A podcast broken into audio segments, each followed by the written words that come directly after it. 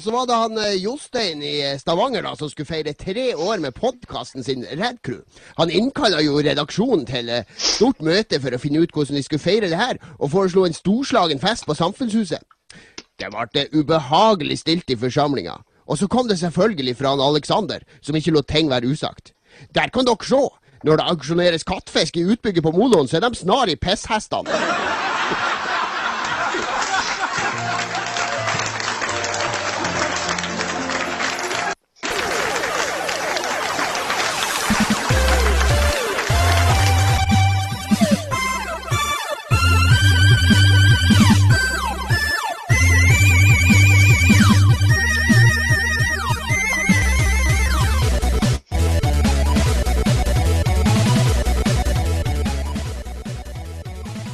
Ok, da var vi direkte inne, Lars.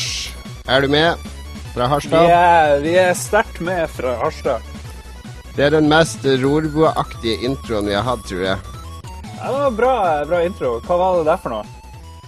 Det var eh, Du vet det er en annen podkast her i Norge som heter Red Crew, som eh, holder til i Stavanger. Og de har faktisk holdt på i eh, tre år allerede, så de feira tre år denne uka her. Så lurte de på om jeg ville spille inn en sånn liten hilsen til de. Og så syntes jeg det ble så kjedelig med bare sånn hurra, hipp, hurra for tre år og sånn. Så jeg lagde en i rorbua og lolbua sin ånd. Ja, Veldig bra. Jeg tenkte å ja, OK, her kommer Jon sier gratulerer med dagen. Men eh, det var jo fantastisk bra. Eh, major Og, og, de, og de, de samplingene er fra rorbua. De har Ja, lasta ned ned fra YouTube og extracta det ekte, ekte rorbua-latter. Det var veldig autentisk. Det var det. Vi er eh, Det her er vel egentlig den første episoden vår i år, fordi den der generalprøveepisoden som vi hadde før NM i Gameplay, ble jo en eh, teknisk katastrofe. Ja. Og siden det er det er nytt år òg, så har vi jo vel utvida Utvida staben vår. Ja, vi skal vel utvide med én i året minst, tror jeg. Så eh, det her blir eh, bra. Vi har eh, en hedersmann på plass. Vår aller kjæreste og vår første gjest, Magnus Tellefsen. Velkommen. Mange takk. Velkommen, Magnus. Du har vært med før som gjest, men nå er du med som eh, Nå er du en av oss. Nå må du stå for produktet. Føler, føler du deg komfortabel med det? Ikke nødvendigvis, men eh, vi, vi prøver, så ser vi. det? Grunnen til at du ble valgt, var jo at du var jo den eh, Hadde jo en hyggelig opplevelse med deg på NM i Gameplay, der du kom med en, en rekke gaver til oss mot slutten av sendinga vår. Sant? Kjenner du smaken av de gavene fortsatt, Lars? Ja, jeg ble rimelig eh, full av de her ratseputsene etter hvert. Uff. Men det ble en fantastisk kveld. Det var jo et eh, utrolig gøy arrangement. eh, mye takket være Magnus og uh, Ratseputs. Ja, det eneste Hvis vi skulle gjort noe annerledes, var det kanskje å komme med de shotsene litt tidligere, så vi hadde sett mer på kamera. Jeg tror Ja, det var men- bra at de kom såpass seint som de gjorde, egentlig. Ja, Det men var det var et artig arrangement. Det var ganske mye Mm. stress og mas, men vi fikk det jo til å funke på et vis. Og det var jo noen hundre som var innom og så på, så eh, det var jo det vi hadde håpa på. Absolutt. Neste gang så bør vi jo ha en tredjeperson med. Du skal vel være i juryen sikkert neste år òg, Magnus. Vi trenger Ja, vi en sånn produsent, en som kan springe rundt og sikre gjester. Eller i hvert fall at vi har en til, sånn at det går litt enklere, det der greia der. Løpegutt, altså. Ja, ja. Ja. Vi får se. Jeg fikk et tips faktisk fra han uh, Stein, er det ikke det han heter, Magnus? Han kommer når 64-programmerer. For han skal nå i februar på en sånn Commodore 64-demo-konkurranseparty i Gøteborg. Så han mente jo at Lolbua måtte slenge seg rundt og bli med og dekke det òg live. Jeg vet ikke om vi har klart et nytt livearrangement så fort. Hva sier du, eh, Lars? Når var det her, sa du? Det er om en måned, og det er i Gøteborg. Så jeg tror eh, Ja, ja, vi får se. Vi får se. Vi får sove litt på det, for å si det sånn. Kanskje vi, kan få, eh, kanskje vi kan ha Stein som gjest etter det arrangementet, så kan han snakke litt om det. Det hadde vært kult. Mm. Ja, det hadde vært tøft. Det får vi klare. Nei, vi skal uh, kjøre i gang med programmet og får snakke litt om hva vi har gjort siden NM i Gameplay. Uh, Lars, du, har, du kom deg helskinna hjem etter en aktiv helg i Oslo. Uh, ja da, det var sliten i hvert fall et par dager etterpå. Det gikk hardt utover eh, formen. Og så gikk jeg rett inn på en kveldsvaktuke på jobben som bare snudde opp ned på, på alt, og jeg likte ikke i det hele tatt. Så jeg drev og la meg sånn i femtida og sto opp i tolvtida og dro på jobb. Og så ble jeg bare trøttere og trøttere og mer og mer i ulaget. Så plutselig en dag klarte jeg å gå og legge meg halv ni om kvelden og sånt. Så da, når det endelig var helg igjen Så, så først da var verden min eh, på plass. Men eh, siden da så har jeg fått en, eh, PS4 i posten. Den fikk jeg i dag, faktisk. Fikk fra Nordisk Film, endelig. ja. Det, jeg, ble, Gratulerer. jeg ble uforskammet glad, egentlig, for å få den der greia. Jeg har jo hatt en å låne-PS4 en stund nå, men, eh, men eh, ja, det var greit å få min egen, for å si det sånn. Ja, gratulerer. Ja, Er du, pakker du ned PS3-en nå? Ja, den er vel egentlig mye pakka ned, men det er jo ikke så mye å spille. Men eh, når vi skal snakke om hva vi har spilt i det siste, så har det vært mye PS4. Jeg er stort sett eh, fornøyd, jeg. Det må jeg si. Um, og så eh, ellers gjort det siste. Det morsomste er at vi Jeg skrev på sendeskjeva at vi har planlagt hyttetur, men det er feil. Vi har planlagt USA-tur. Eh, det var jo også en idé vi kom på eh, på eh, den her forfylla festen. Jeg hadde glemt det, og så kom en kompis og sa ja, vi må Vår venn Torbjørn sa ja, vi vil veldig gjerne være med på den USA-turen dere snakker om. Jeg bare «Eh, Hvilken USA-tur er det? det her er snakk om. Så da ser det ut som vi skal av gårde i, på E3, en rimelig stor gjeng. Det blir veldig gøy.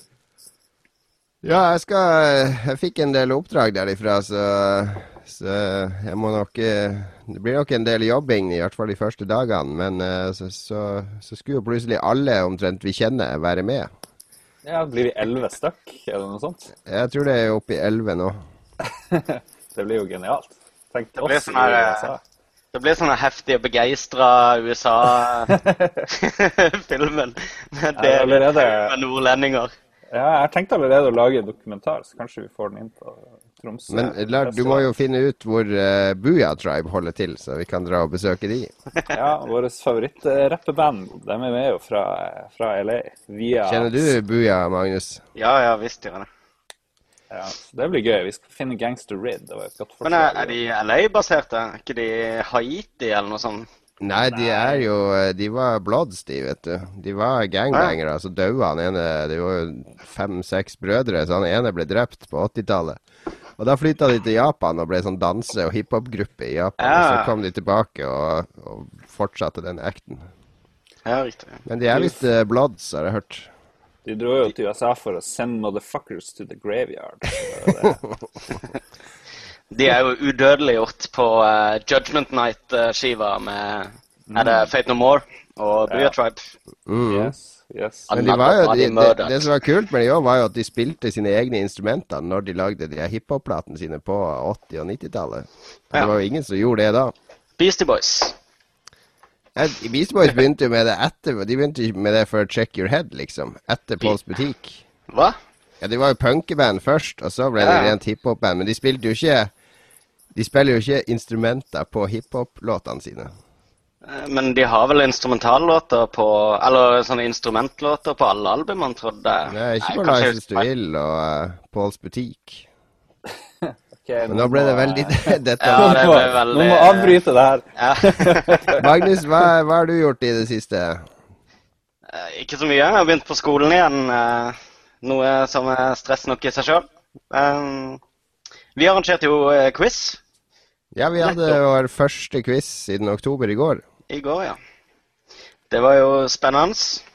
Kanskje den Og det sier jo ikke lite. Kanskje den dårligst planlagte quizen vi har hatt. Det var en, eh, et spontanprosjekt, kan vi kalle det det? Ja, jo da, det, var, det gikk litt over stokk og stein, men det gikk egentlig ganske glatt, eh, forberedelsene. Vi begynner å bli ganske varme i trøya på å lage quizer nå, syns jeg. Jeg tror det har hjulpet med den der app-jobbinga vår. Ja, men vi, vi fikk jo vi fikk jo ikke annonsert den ordentlig, det glemte vi jo, så det ble ikke så bra oppmøte som det pleide å være. Men det var god, god stemning. Ja da, god stemning. Vi begynte å invitere folk eh, klokka halv fire på natta før. og vi fiksa vel ingen premier denne gangen. Så det, men det betyr jo at eh, premieboksen er tom, og at vi har eh, Vi er nødt til å fylle opp med bare freshe ting til neste gang. Så det er jo et kjempeargument for å dukke opp, syns jeg. Ja, det blir eh, knallbra neste gang. Og neste gang er allerede ja, Det er i slutten av februar, det. Ja. Det er ditt, uh, ditt oppdrag neste uke å få laga event allerede nå. ja, det er jo alltid det det står på, at vi aldri lager det der eventet. Vi har jo stort sett dato måned i forveien. Det tar hele fire minutter å lage et sånt Facebook-event, så det er litt Ja, det er helt grusomt. Ja, Så det har jeg gjort. Ja, skolestart. eh, Det er eh, på BI du går, er det ikke det? Jeg går på BI sammen med kidsa. Ja, det Jeg har er jo bursdag siden sist jeg snakka med dere, så jeg er jo blitt enda eldre enn gjennomsnittsalderen på denne bacheloren min. Så nå ligger jeg 14 år over gjennomsnittet. Så det er, Hvor gammel ble du? Er det lov å spørre det? det er lov å spørre om det. Uh, jeg ble 35. 35, det er jo ingenting. Du er Nei, jo det ikke barn. noe alder. Jeg er bare barnet. Si det til de der kidsa. Ja vel, gratulerer med dagen. Men hvordan, hva er, hvor mange er dere i? Er det, er det en klasse, liksom? Eller hvordan funker det? Ja, vi er en klasse på jeg tror det er 600 personer eller noe sånt. Ah, ja, okay, det er jo helt sykt. Ja, Men så også- også er det på Bay, hvis vi skal snakke litt om spill, da. Hva, hva er det de spiller, de kidsa? Er det noen der som driver med PlayStation eller PC, eller går det Mye bare PC. mobil, eller? Mye PC? PC, ja, mye PC og PlayStation 3. Uh, typisk Moba-spill og eh, Diablo og MMO-er som World of Warcraft. Uh, ja, det er stort sett det de spiller. Det er det, jo. Ja, selvfølgelig Counter-Strike og disse her. altså. Ja, ok. Den Vanlige, kjedelige Kjedelige PC-regler med de typiske spillene. Jo, jo, men det er jo greit nok, det. Ja da, for all del. For all del. Jeg spiller jo litt World of Warcraft og Diablo sjøl, så jeg skal jo ikke henge de helt ut her. Du har ikke begynt å spille Moba for å liksom kommunisere bedre med klassekameratene dine? Vi kan jo møtes i spillet! Hei, han, Magnus han er gamle gubben som eh, skal være down with kidsa. Nettopp. LOL, folkens! Ja. Å, det var lite ruffel! Nei, det blir lite av det. Jeg suger i alt som har med strategi å gjøre. Det er min store akilleshæl på eh, spillfronten, så Moba er langt unna aktuelt for min del. Ja, jeg snakka med eh, Vi har jo en felles eh, bekjent som heter Frank eh, Frank, som er veldig glad i strategispill. Og han sa at Dota 2 var noe av det dummeste han hadde spilt. Oi. Fordi en, en, en veldig viktig taktikk i det spillet, det er å drepe sine egne styrker for å forhindre motstanderen fra å få XP av å drepe dem. Og det mente han det stritta imot enhver logikk. Så han klarte liksom ikke å forholde seg til det. Hmm. Brente jords taktikk. Ja, nei, han syns det ble, ble for teit, rett og slett. Ja. Jeg har ingenting grunnlag for å uttale meg om de spillene der, annet enn at det ser veldig stress ut. Jeg har prøvd å følge med på noen turneringer, men det ser helt umenneskelig ut, syns jeg. Du har ikke vært borti sånne spill, eh, Lars? Jeg, jeg har aldri sett et eneste League of Legends-runde, f.eks. Så nei, jeg aner ikke. Jeg har ikke peiling. Jeg vet at det er noen lanes.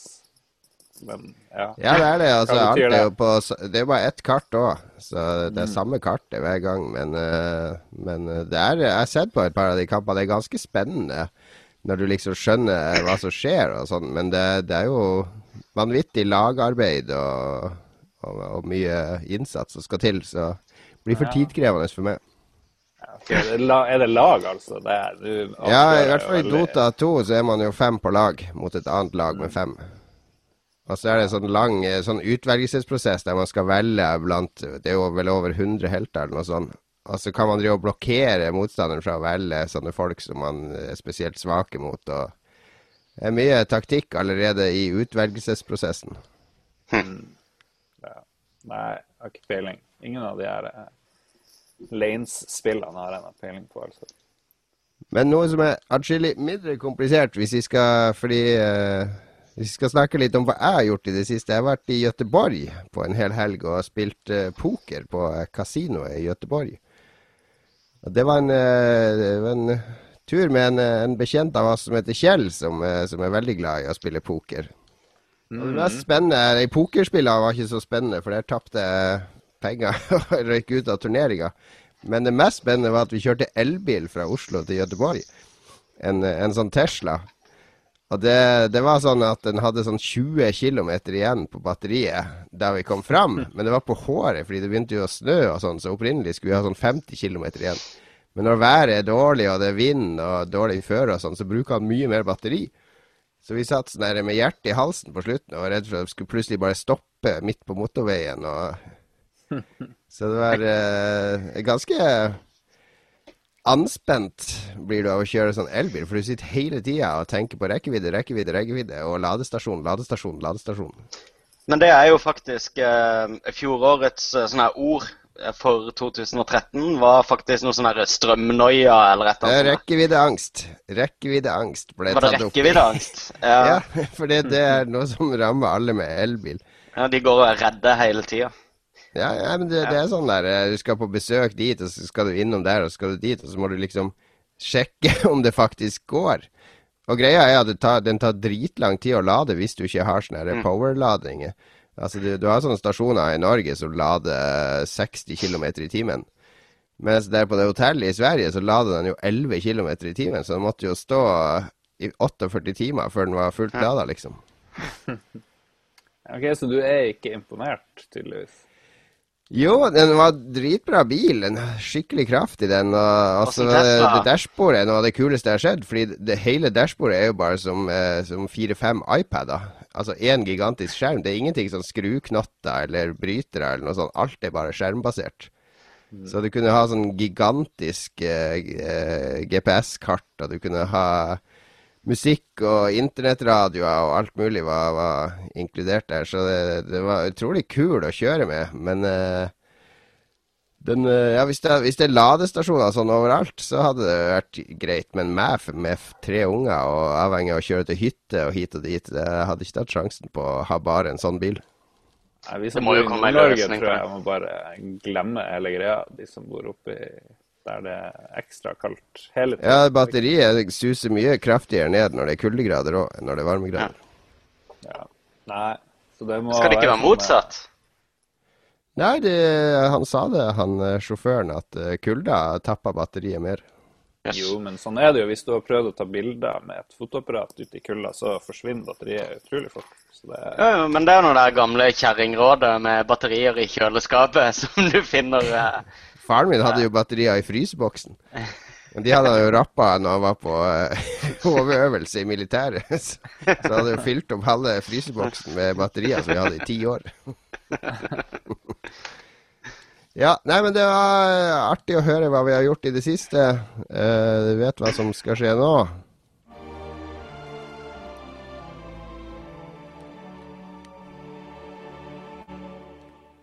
Vi skal nemlig snakke om uh, nyheter, og jeg tror jeg har, har vel bare skrevet opp én en eneste nyhet. Og det er det alle har snakka om de siste dagene. Det er de der, uh, svenske godguttene i king.com som uh, driver og patenterer navnet sitt, og dermed mener at alle som bruker Candy eller Saga, eller kanskje Crush også, eh, prøver å eh, eh, Eller overskride eh, deres eh, brand. Hmm. Og det har jo vekka mange følelser. Jeg vet ikke om dere har fått med dere eh, debatten. Jo da, jo da. Men eh, hva vi skal, hva vi skal si hva, hva med å drite i å diskutere? Hva bare å finne en plan på hvordan vi kan knuse det her selskapet? De bidrar jo ingenting positivt, eh, egentlig. Det er jo sånn trademark trolling, er det ikke det det kalles? Med at de bare kjører sak mot en hel haug med folk og, og tapper de for penger pga.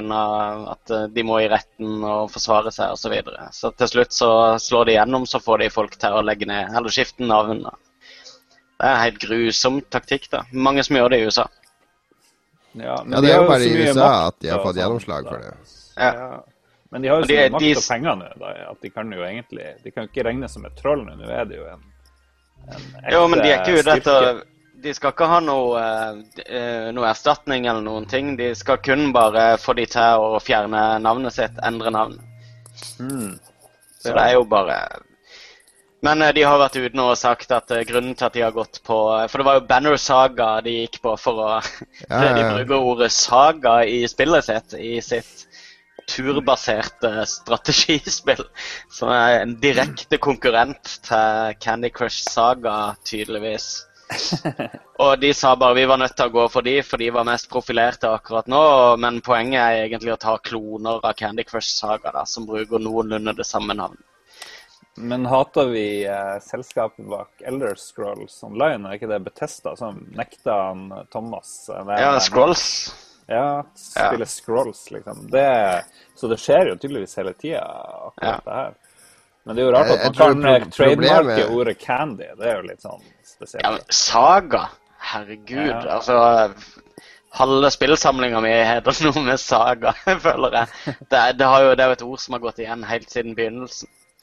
Ja, det, er jo, det er jo det som vekker følelser, er jo at det er så van, altså det vanlige engelske ord. ikke sant? For jeg, jeg, jeg, jeg tror ingen hadde reagert hvis noen lagde en tegneserie som heter Donald Gås, og ga den ut, og, ha, og det handla om en uh, figur som ligna på Donald Duck og, og diverse. Hvis Disney hadde krevd at de trakk den, eller endra den, ikke sant? Fordi det, det, da er det åpenbart en rip-off. Ja, ja men uh, du hadde jo um, um, Han der. Ja, han hadde jo Arne And. Arne And. Um, der har du jo samme greie. Han ble saksøkt av Disney. Han hadde jo først uh, Donald Nebbe. Men Ja, ble saksøkt av Disney, så måtte han tegne det om. med- Ja. Så fikk han sånn spisst nebb, og så etter hvert så tok han en plastisk operasjon, så nå har han løs nebb. Ja, men de, de, men de prøvde seg Dulle Duck var jo en eh, karakter i Ja. Python og sånn. Han fikk jo eksistere, selv om han var Ja. ennå Så det er jo eh, Men jeg, jeg tror eh, det er jo lovgivninga, altså den At man kan De vil bare beskytte si, sitt navn. De driter i de andre, egentlig. Altså, de er ikke ute etter penger og sånne ting. Men eh, det er jo eh, Det virker jo helt irrasjonelt måten de går frem på. Jeg skjønner jo at du vil beskytte merkevaren din, men da, hvis, da må du jo ha noe originalt i utgangspunktet, for de har jo bare laga en bedriten Bejeweled-klone. Altså, de har bare Ja. laga Bejeweled med sukkertøy. Og det er jo greia, da, for PopCap har jo egentlig bare tillatt alle å lage Bejeweled-kloner. Men som det ble sagt i en annen diskusjon eh, på Facebook i dag, så, så har jo PopCap har bare lagd det beste produktet, og på den måten så har de overlevd på det. Men du så jo også Jørgen Taraldsen med dette her Trolls versus Vikings. De får ikke lov til å si at de lager et Tower Defense-spill, fordi det er et eh, koreansk selskap som har copyrighta sjangernavnet Tower Defense nå. Så det er jo noe må jo skje i denne verden der nå. Det er jo ingen som sier liksom ja, jeg har lagd en, en krimroman, og så plutselig kommer Stig Larsson med advokater og skal, skal knuse deg, liksom. Det, det, det må jo I hvert fall sjangerinndeling burde jo være fritt vilt. Ja, og nei, tydeligvis ha eh, piratpartilederen eh, og min venn eh, Øystein Jacobsen som gjest. Han kan prate i to timer om akkurat det her. Ja, vi må få en Øystein til å klarlegge det her. Nei, jeg, jeg syns det er uh, Det er vanskelig å få noe, generere noe sympati for at de trenger å beskytte merkevaren sin når de tjener Jeg leste at de tjente vel sånn mellom 900 000 og 1 million dollar i døgnet. Ja. Men selve spillet var jo litt morsomt i starten. Men det har kommet en oppfølger, eller ikke oppfølger, men det kom et eller annet med Du skulle kaste noen folk i noen jars, eller noen sånne krukker. krukke. Er det noen som har prøvd det? Nei. Jar Saga. Jar Jar, Jar, Jar Binks Saga. Candy jar eh. Cookie Jar Saga. Men altså, jeg, jeg vil tro de, de tjener helt sikkert litt på at noen lager kloner òg. At det blir liksom At folk blir interessert i sjangeren og etter hvert skjønner at eh, nei, det er Candy Crush Saga som er det beste. Og så ender en opp der til slutt uansett. Ja, absolutt. Jeg, jeg syns det var veldig bra respons, og at noen eh, folk har starta en sånn der eh, indie-jam nå, som heter Candy Jam. der det går ut på å lage et candy-basert spill på en uke. Så jeg håper, hvis det er noen norske utviklere som eh, Jeg, vet, jeg så at Kristoffer Jetmundsen hadde posta et skjermbilde. Han har tatt uh, NME Gameplay-bidraget sitt og putta masse sukkertøy inn i det, så jeg tror han skal være med på den. Eh, Fabelaktig. Nei, fight the power. Stå, Yes. stå på krava, osv. Var det den eneste newsen vi hadde, Jon? Ja, men vi har uh, fått en del sånn leserspørsmål som, uh, eller lyttespørsmål som, uh, som berører en del nyhetstema, så vi kan kanskje bare gå rett over til det. Ja. Da gjør vi det. Vi har fått masse spørsmål i dag. Tusen takk til alle som har sendt inn spørsmål til oss på Twitter. Eh, det blir vi veldig glad for. Eh, vi kan begynne med Sebastian Nygaard, som har hørt eh, rykter om at Nintendo skal lansere en ny konsoll. Ja, jeg leste om det på Game Reactor i dag. Mhm. Nei, det er så Det var ganske tomme rykter, altså. Det var en sånn ønskeliste fra Nintendo-fanboys som føler de er satt i skyggen av Xbox og, og PlayStation. Det var liksom, Ja, det er Wii U med et nytt navn og full HD og alt annet jeg drømte om da jeg kjøpte Wii U og ikke fikk det. Så. Men forklar litt hvor det stammer fra. det ryktet. Er det fanboys, er det du sier? Ja, det var ei eller annen sånn Nintendo-fanboy-side. Jeg husker ikke hvem det var. Men det var Og det var liksom eh, Til og med måten det var skrevet hos Game Rector da, som hadde saken, så Det skinte gjennom hele veien at vi tror ikke på dette. Dette er sannsynligvis løgn. og Mye salt her som må brukes på denne saken. og ja. Ja, så Det henger jo ikke på greip fra forretningsståsted heller. altså En ny konsoll er jo mange år med utviklingskostnader som skal hentes inn igjen eh, via salg. Og det er jo ikke bare å slenge seg rundt og lage en ny konsoll. Det eneste jeg kunne tenke meg, kanskje, er at hvis de har, de har lagt merke til den der Vita eh, TV-saken til Sony, for den har solgt ekstremt bra i Japan, fordi folk eh, syns det er veldig kult å spille Vita-spillene sine når de drar til og fra skole, og så spiller de på TV når de kommer hjem. Om de kanskje gir ut en, en måte å spille 3DS-spillene sine på TV, men samtidig, de, det er så dårlig oppløsning på 3DS-spillene, de gjør seg ikke bra på en TV da. Men, eh, men det kan jo, hvis, hvis, det skal være, hvis det skal være noe hold i de ryktene, så tror jeg det er snakk om en sånn type konsoll, og ikke en ny sånn der eh, megakraftig konsoll som liksom skal banke opp PlayStation og Xbox. Nei, men som, som du sier, det er så mye penger investert i Wii U at de har mye mer igjen for å heller bygge videre på det og kanskje rette litt opp i, i det folk mener de har gjort feil. Kanskje bribe til seg noen flere titler. Det er jo det som er problemet med den konsollen der. I stedet for å, å liksom bare ditche hele prosjektet og begynne på nytt. Det, det, Det, det er vel mange problemer i tillegg eh, på den konsollen. Men de Er ryktene det kommer vel fordi Ja, f.eks. bare navnet, ikke sant. Og måten ja, navnet er et problem. Ja, og måten de har presentert den på. Men de her ryktene kommer vel fordi de har kutta sine antatte salg nå det her eh, april 2013 til mars 2014-perioden fra Ja. 9 millioner til 2,8 millioner. Det er jo Mm. egentlig rimelig absurd eh, nedskriving på hva de kommer til å tjene inn. Ja, det er kjempedramatisk, eh, og det er eh, Ja, det er vanskelig å se helt hva de skal gjøre med det. Fordi jeg må, jeg må innrømme at VU det er nesten den som blir brukt mest her hos meg nå. Fordi jeg har ganske mye spill å spille på den, og spesielt sammen med ungene.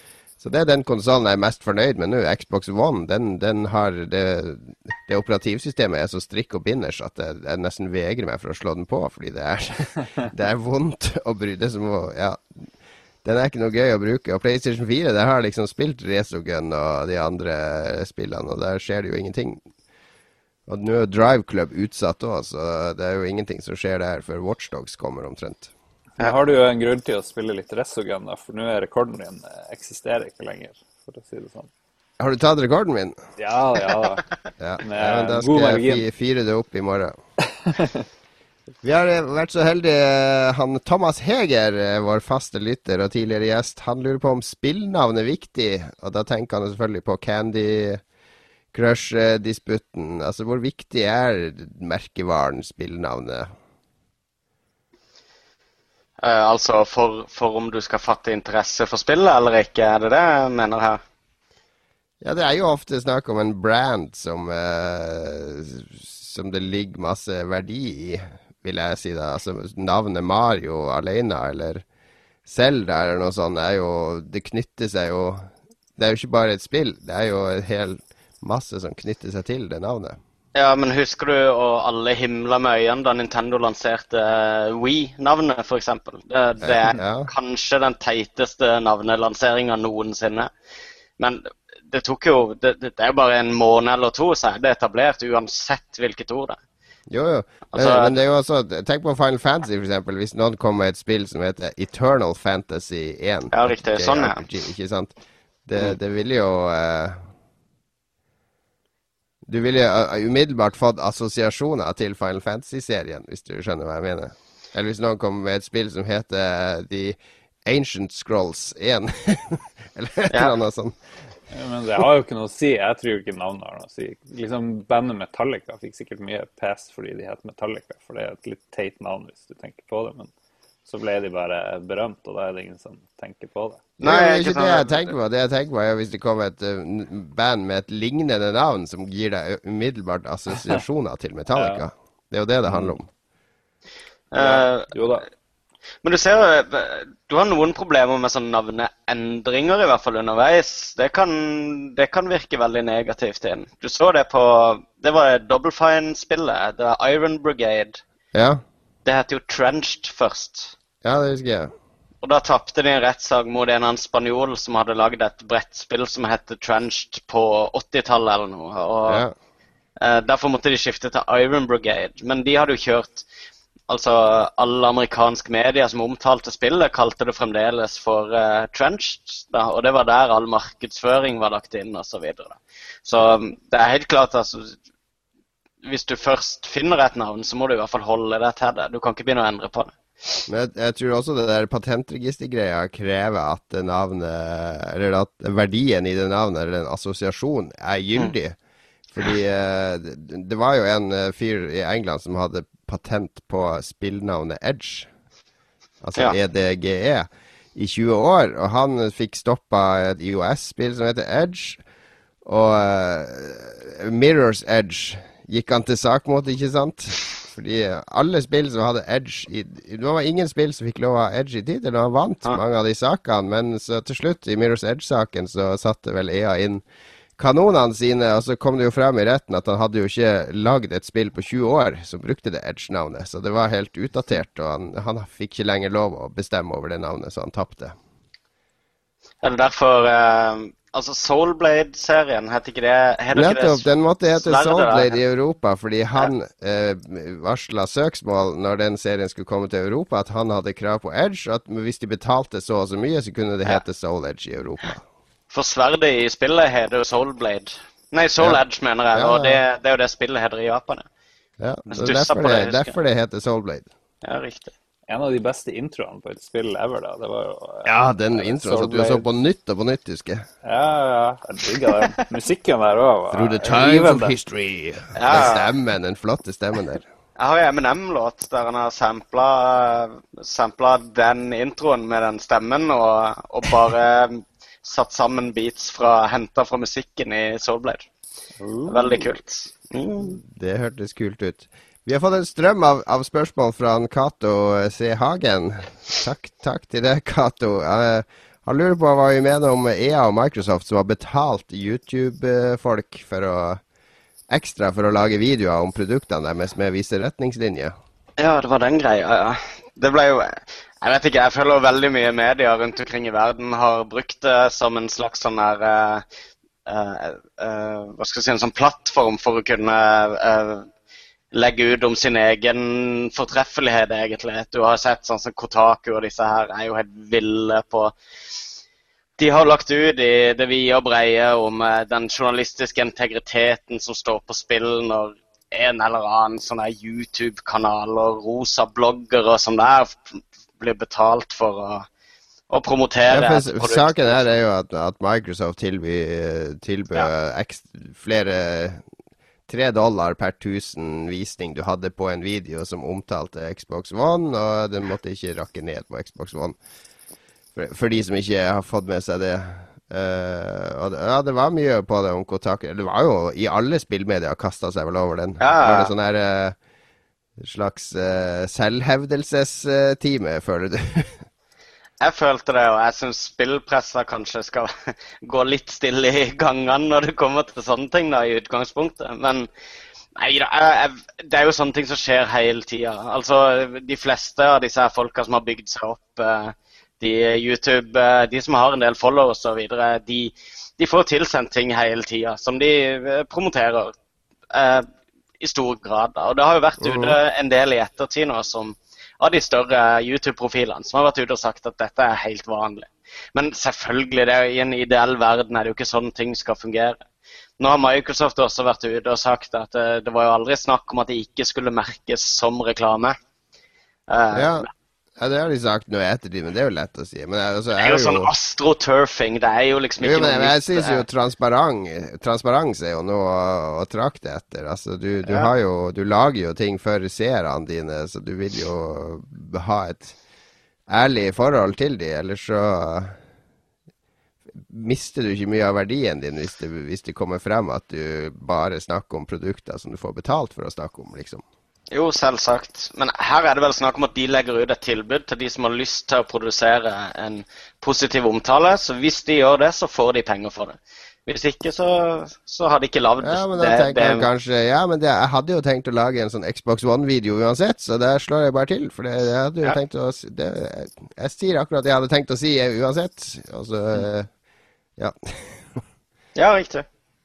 Nei, men jeg skrev, jeg skrev, faktisk om det her i Aftenposten før jul, eh, om den nye generasjonen med spillformidlere og en del sånne snarer og feller som de lett kunne mm. gå opp i, og også hvordan uh, utgiverne har oppdaga at det her, det her har blitt nesten en viktigere informasjonskanal for å spre info om spillene sine enn spillpressen. Ja.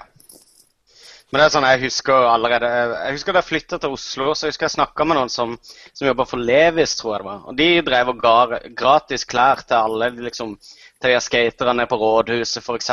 De kuleste i den gjengen, de fikk gratis klær fra Levis. og liksom de drev liksom og kledde opp sånne her menings... Uh, hva heter det for noe? Meningsskapere? Tastemakers, er det ikke det det heter på engelsk? Jo, noe sånt. Ja, Som de driver og kler opp og gir de Du ser EA har jo kjempelenge hatt en haug med folk på lista som de gir gratis spill. ikke sant? Og, og konsollprodusentene gir jo vekk eh, konsoller til kjendiser som bare er kjendiser, i håp om at eh, det liksom skal blø litt over. Det er jo, det er jo det er den krysninga mellom å være medie eller en opinionsskaper og, ja, ja. Som, jeg husker jeg, jeg jobba på Spiderman. Jeg skal ikke si hvem det var, men det var en på den tida ganske profilert rapper som var innom og spurte om vi kunne få en deal med at han fikk eh, veldig billige spill hos oss på Spiderman, mot at han liksom ja, Kanskje plutselig var det et vers om at han hadde vært innom på Spiderman i Kirkegata. han, bare, han bare presenterte den sell-out-planen til meg. på... Men du sa, du sa nei til Aslak Borgersrud, altså? det var ikke Aslak. Vi har jo en beef gående med Aslak og, okay, da var det så her, her, er det bare å henge ut Aslak. Det er ingen problem, Magnus. Da var det nå, er, nå er jeg med i samtalen her. Nå har jeg gjort ferdig quizen. Dagens quiz. Så der kan du se. Ja. Det er bra. det er bra. Vi går til neste Cato-spørsmål. Han lurer på om Nintendo bør bytte ledelse. Hvordan skal de forstå markedet hvis de ikke kjenner til PSN Xbox Live? ja, det, det, var jo en greie, da. Det var noen uh, Var det engelske utgivere eller amerikanske utgivere som, utviklere, nei, utviklere som uh, hadde uh, prøvd å kommunisere til Nintendo mens de, de holdt på med en av de launch-titlene til, til Wii U. Og de prøvde mens de var i dialog med utviklerteamet hos Nintendo. og så henviste de hele tida til funksjonalitet i Xbox Live og PlayStation Network for å liksom spørre vil dette bli mulig sånn som på Xbox Live, og blir det mulig akkurat som på PlayStation osv. Mm -hmm. Fikk, de fikk til slutt en mail fra Nintendo om at uh, de måtte slutte å henvise til disse produktene, for det var ingen der som hadde, som hadde brukt Xbox Live eller PlayStation Network. det er jo, ja, det er jo, et rart svar. Altså, på, på, den middagen vi hadde etter NM i Gameplay, ja, så slo det jo, uh, var det en som slo følge som, var, som faktisk utviklet til VU. Og jeg fikk en del av de samme historiene fra han om hvordan det er veldig eh, Altså, de svarer, og de er mulig å kontakte dem, men det, er veldig vanskelig, det var visst veldig vanskelig å få, uh, få, hjelp til å komme i riktig retning. Ja, Nintendo har alltid hatt si greie, da, og de, de, gjorde det jo grisebra med Wii. Så jeg tror problemet sitt er bare at uh, de setter sitt neste mål setter de med vannmerket på forrige konsoll. Så sier de at vi solgte hva, 120 millioner av den konsollen. Ja, da klarer vi det neste gang også. ikke sant? Og, Eh, og det, det ikke noe poeng i å endre på, på oppskriften, for dette funker åpenbart. da. Så det er, jeg er overraska bare over at de har internettfunksjonalitet på Wii U. De har, gjorde jo en del forskjellige ting da, fra Wii til Wii U, så, men du er kanskje inne på noe. Men da jeg leste en dude som mente at eh, vi burde bare være takknemlige for at eh, Nintendo ikke følger så mye med på hva vestlige utviklere gjør. For hvis de hadde fulgt for nøye med, så hadde vi aldri fått Nintendo Wii, f.eks. De prøver å gjøre sine ting. og hvis, hvis du skal satse hardt, så må du være klar til å feile òg, på et vis. Ja. eh, Kan man jo også si. Så jeg er litt mellom de, de greiene der. Men jeg, syns jo det er bra at vi har et rart selskap i et land på størrelse med Norge med en del flere innbyggere. Men det er, jo, Ja. det, er jo, det er jo en liten flik av verden som klarer å dominere, og, eller ikke dominere, men de, de klarer å påvirke spillverden ganske heftig med det de gjør. Og jeg håper de fortsetter med det. da. Men det gjør jeg Jeg er helt eh, enig. De, de har alltid dansa til sin egen musikk og gått sin egen vei. og de, Det var ingen andre som hadde lyst til å vekke liv i konsollmarkedet på starten av 80-tallet, men Nintendo hadde kommet med en eh, ikke så altfor kraftig konsoll, men med klokketro på produktene sine, og, og pressa den inn i USA og fikk markedet i gang igjen. og alle produktene de har laget, da har de gått sin egen vei. Med Gameboy ble de jo ledd ut, fordi alle de andre lagde jo maskiner med fargeskjerm og sånn. Men Gameboy ble jo den dominerende. Så at det at de ikke følger trendene eller jakter på teknologi eller skal være kraftigst og best, det har de som regel scora ganske bra på. Uh, nå sliter de nå, og det er veldig synd, fordi Nintendo nå, altså de produktene de lager nå, er jo det beste de har laga kanskje ever, og den ratioen av ting som kommer ut, hvis du tar og regner både 3DS og VU, det har aldri vært så, så gøy å være Nintendo-spiller, så det er litt synd at de ikke får bedre betalt enn enn det de gjør. Jeg tror de bare skal fortsette på den linja de holder på med. Men hvis de skal konkurrere på det samme konsollmarkedet som Xbox og PlayStation, og de, de skal tiltrekke seg utviklere som skal lage multiplattformspill, så må de i hvert fall forstå hva det snakkes om. Men jeg liker at eh, Nintendo basically lager legetøy, mens alle andre lager sånn her eh, fuckings sånn her eh, stueunderholdningssenter, ikke sant? som også tilfeldigvis har en sånn spillfunksjon bortgjemt innerst i biosen.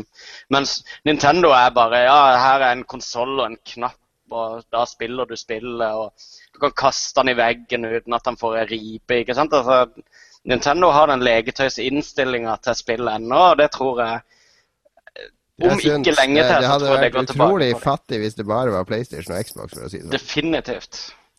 For det begynner å bli veldig hifi nå. Ja, det gjør det. Siste spørsmål fra Cato Hagen er uh, Han lurer på Har dere sett traileren til eh, Kung, uh, Kung, Kung Fury? Nei. Ja. ja. Han lurer Ja. på hvilken spillutvikler fra glansdagene på 80-tallet som burde ha laga spill. Spillet til Kung Fury. Ja vel, det var eh, Kung Fury, for de som ikke har sett det, er en, det er en kickstarter-greie fra noen svenske filmskapere som skal lage en sånn 80-tallsfilm. Det skal se ut som den er laga på 80-tallet, med en sånn karatedude og masse spesialeffekter. Og han står oppå taket av en bil som flyr gjennom lufta. Og to, jeg tror noen norrøne guder òg er med. Thor kommer ned i vannet der. Og, Jeg tror kanskje det, det, er litt sånn eh, småmorsom trailer. Det vil nok passe bedre som en trailer enn en hel film, er vel eh, min mistanke. Men vi får se. Nei, men Hvis en 80-tallsdude skulle lage spill, så måtte det ha vært John Carpenter. Han har ikke noe med kung fu å gjøre, men eh, han var jo genial på stemning og soundtrack i hvert fall. Så det hadde vært spennende. Ja, han har jo aldri laga spill, da. Nei, nei, men han burde gjøre det. Hvis vi skal tenke på en eh, gammel regissør som, eh, som skulle gjøre det. Men eh, hvis vi skal tenke på gamle spillfolk, jeg vet ikke. Jeg har ikke peiling. Jeg vet ikke hva de heter omtrent, de som lagde spill på, på 80-tallet. Jeg ville gi det til eh, Sensible Software, de er de eneste som kunne fått noe fornuftig ut av det. Han John Hare og, og Chris, Chris Yates. Men eh, la oss tenke på hvis vi skulle hatt gamle regissører eh, av sånne her eh, cheap ass uh, movies til å lage spill. Det er jo en lang liste med folk som uh, kunne underholde. Eh, John Ja. McTiernan som lagde Die Hard og Predator og sånne filmer. Det hadde jo vært eh, selvskreven. Ja, det Det, jeg føler at det er mye, mye å fordøye akkurat den tanken. At at Jeg klarer å komme med noe sporadisk morsomt å si rundt det. Open your mind, dude. Hva slags spill hadde Kubrik laga da, Lars? Uh, Er vi, er vi i. Jonathan Braid-området nå, eh, bare med ekstremt høye produksjonsverdier? Jonathan Blow-duden. Det Ja. er Jonathan Blow, selvfølgelig. Jeg føler at det her er tema for en hel, eh, en hel podkast, egentlig. Spillregissører blir film... Nei, filmregissører blir spillskapere. Og Hva, hva, slags spill ville de laga? Ja, jo, men det, David Lynch hadde sikkert vært kul på Det hadde blitt bra. Det er, det er det her, vi skriver det her bak øret. Det her er knall tema til framtida. Uh, Jan Christian Heigel, heter han. Han er vår uh, trofaste spørsmålsinnsender. Har vært med siden første episode. Lurer på om vi skal være med på en game jam nå til helga. Nei. Nei, eh, det jeg har ikke tida heller. Det skal være en veldig kul en oppe på Hamar, jeg fant, Jeg for jeg fikk en mail om det i dag. Det er masse Oculus Rift-greier. Og der de også par av de som er der, har vært i USA på det Valve-treffet, så de har med seg Steam Machines eh, hjem og Steam-kontrollerne og sånn. Så eh, det hadde sikkert vært kult, men eh, tre unger og kone og var borte forrige helg, så jeg, det, jeg må nok være hjemme den helga her. Da vet vi det. Jon blir hjemme til helga. Og så har du din eh, forfatterkollega Larsson Jens Styve. Yes, han lurer på om podkastprogrammet hans har slutta å virke. Han la til og med en skjermdom som bevis på at han ikke hadde fått noen nye Lolbua-podkaster. Han skrev 'Fansen er bekymret'. Så eh, ja, det er bare å beklage. Vi skulle jo klippe sammen noe audio fra den her eh, NM i gameplay, men det, det har ikke skjedd. Jeg tror vi, vi har ikke helt kommet oss eh, før nå, da. Så, men nå er vi back. Nå starter 2014. Let's go. Jeg kan ta ansvaret for akkurat den. Ja, nei, ja, alle de tolv episodene vi har, de ligger ute på, eh, på iTunes, så det er ikke noe galt i distribusjonen. Men jeg ser faktisk så har det sneket seg inn en episode av Spillmatic i lista vår. What? Oi! Ja, fordi de har i headeren sin så har de eh, at det er beef med Lolbua. Så hvis du søker på Lolbua på iTunes, så får du også opp Spillmatic. Ja, yes. Hmm, Er det problematisk? Det er Jeg har vært på, jeg har vært på Spillmatic en gang. Er det problematisk? Nei da, det har jeg jo vært. Men eh, det er kanskje lurt eh, hvis, du, hvis jeg får opp det når jeg søker på Lolbua. Så hvis, det, hvis vi har en uh, Legg til porno og sånne ting i tittelen. Så hvis noen søker på porno på iTunes, så kommer, det, kommer de til Lolbua. Du legger til den der Beyond-podkasten til IGN, som er den mest populære podkasten i verden. Så Kanskje får vi plutselig 100 000 lyttere. Nei, men Jens lurte ikke på om det var noe galt. Han bare lurte på om det var galt fordi det var kommet noen nye Ah, ja, nei, i det tok 2014. eh, vi, vi trengte en uke for hver razziputs på å komme oss, så det er derfor vi er tilbake først nå. Yes, vi kjører en uh, liten pause på fem minutter med litt musikk. Litt remix av Megaman-musikk fra Tornado Man-staget. Til glede for alle Megaman-fans der ute. Vi kan hente litt drikke og gå på do og slappe litt av. Uh, og så husk å mute mikrofonene våre, gutta. Mute mikrofonene, så det ikke blir spraking, og vi slipper å høre Lars krangle med mora og, og diverse i bakgrunnen. Tornado Man, vi ser, høres om fem.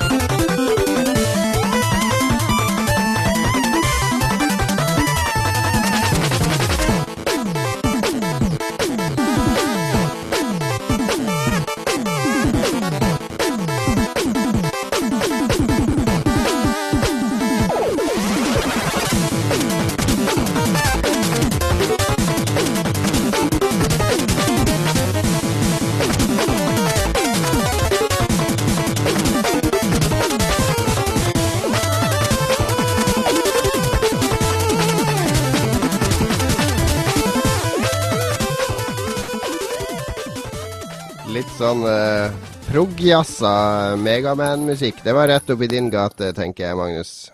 Ikke så veldig.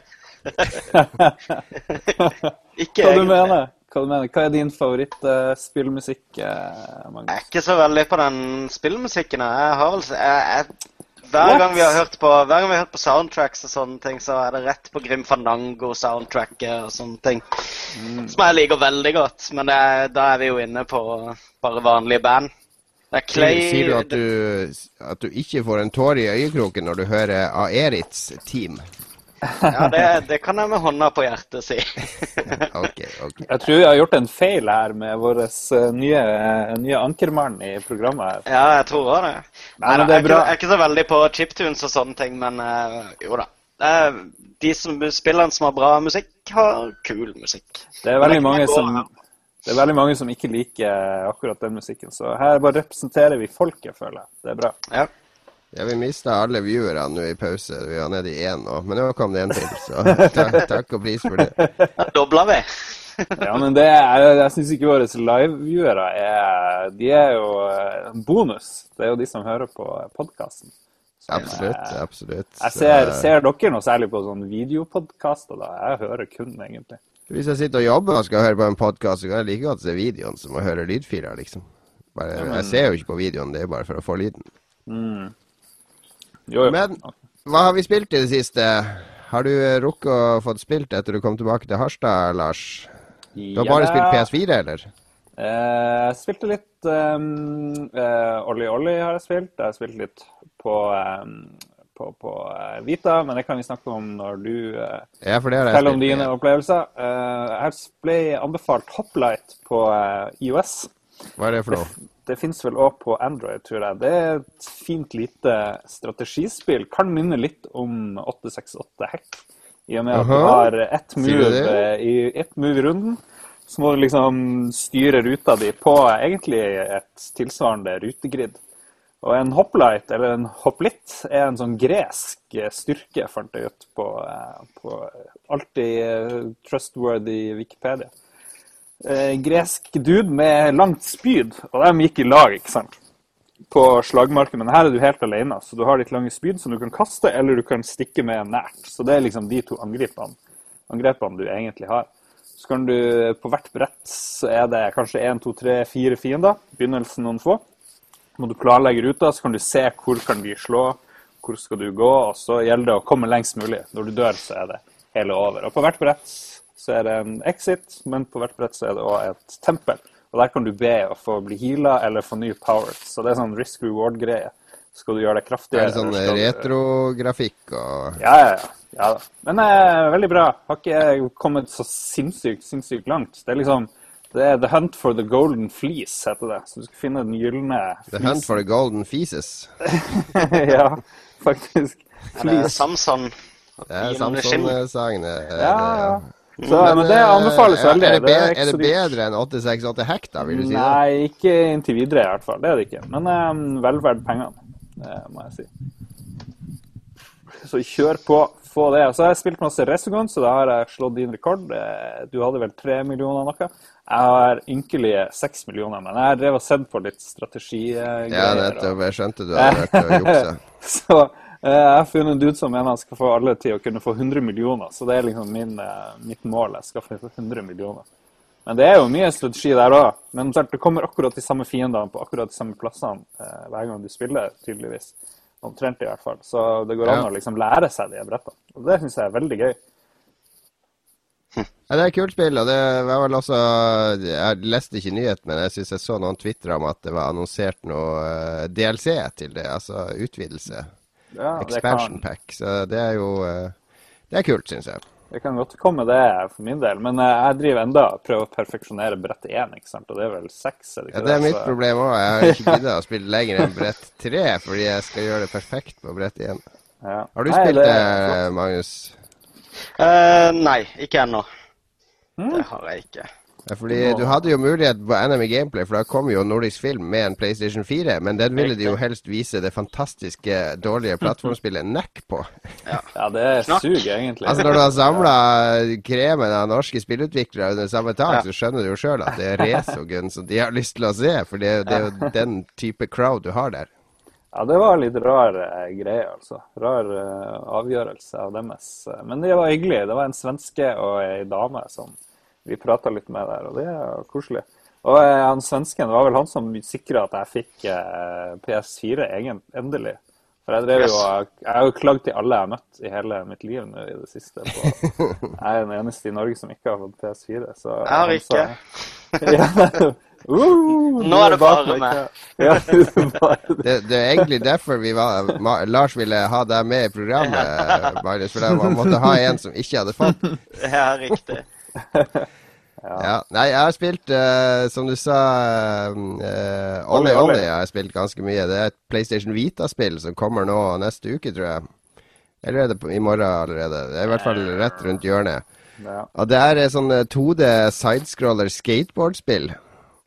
Og det er, eh, det er dødskult. Du, du eh, gir fart med å trykke på X, og så bruker du venstre analoge spake til å ta sats. Du tar den ene av og så når du slipper den, så hopper den.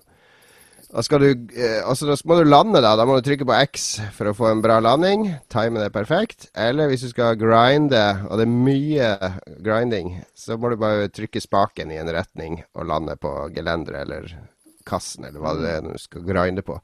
Men hver bane er liksom en rute fra start til mål.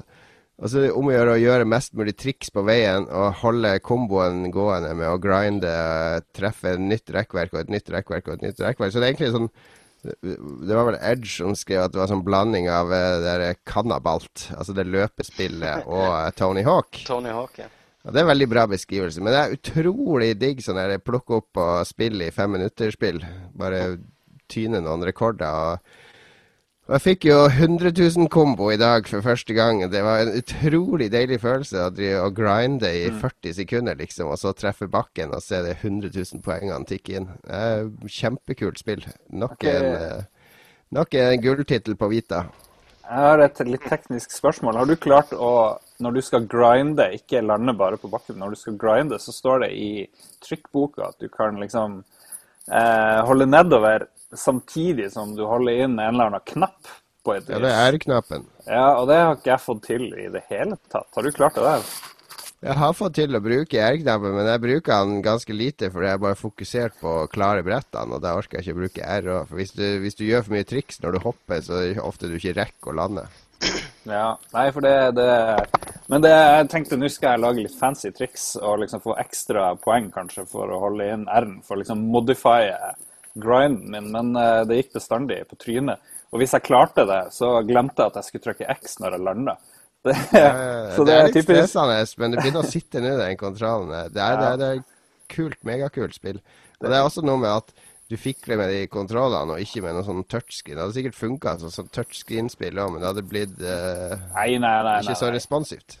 Nei det funker. Knappespill funker ikke på touchscreen. Greit, Det- greit. Enig med deg, Lars. apropos, apropos touchscreen, så har det spillet har fått ti av ti flere steder jeg har sett, men jeg forstår det ikke fordi spillet har eh, obligatorisk at du må trykke på skjermen på random menysteder, hvor du andre steder bare kan trykke på X-en. Og Hva er det slags eh, designpiss i menysystem?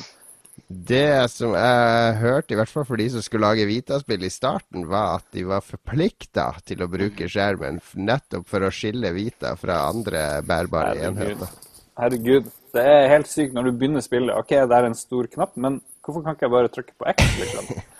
Ja, men det, er- jeg har fireåringen min som sitter og ser på når jeg spiller. Han får lov å trykke på den restart-knappen når den svære gule knappen kommer. Så da får han òg være med, vet du. Inkluderende for hele familien. Og jeg har også spilt et spill, men det kan jeg ikke si navnet på. Det heter The Banner, et eller annet. Men hvis jeg sier hele navnet, så får vi et søksmål mot oss. Så la oss ikke snakke noe mer om det. Magnus, hva har du spilt? Skal du virkelig ikke fortelle om det? Jeg har skrevet anmeldelse om det, så gå på aftenposten.no før- eh, slash kultur slash spill, så kan du lese min mening om det. Og se en vi- video jeg har laga. Men før vi hopper over på, på eh, Magnus, det der Olli Olli, jeg er veldig glad for at det kom en ny versjon av eh, California Games sitt BMX-spill. For det det er også en oppfølger til Trials, egentlig, på, på Xboxen. Ja, det Det føles trials veldig sånn.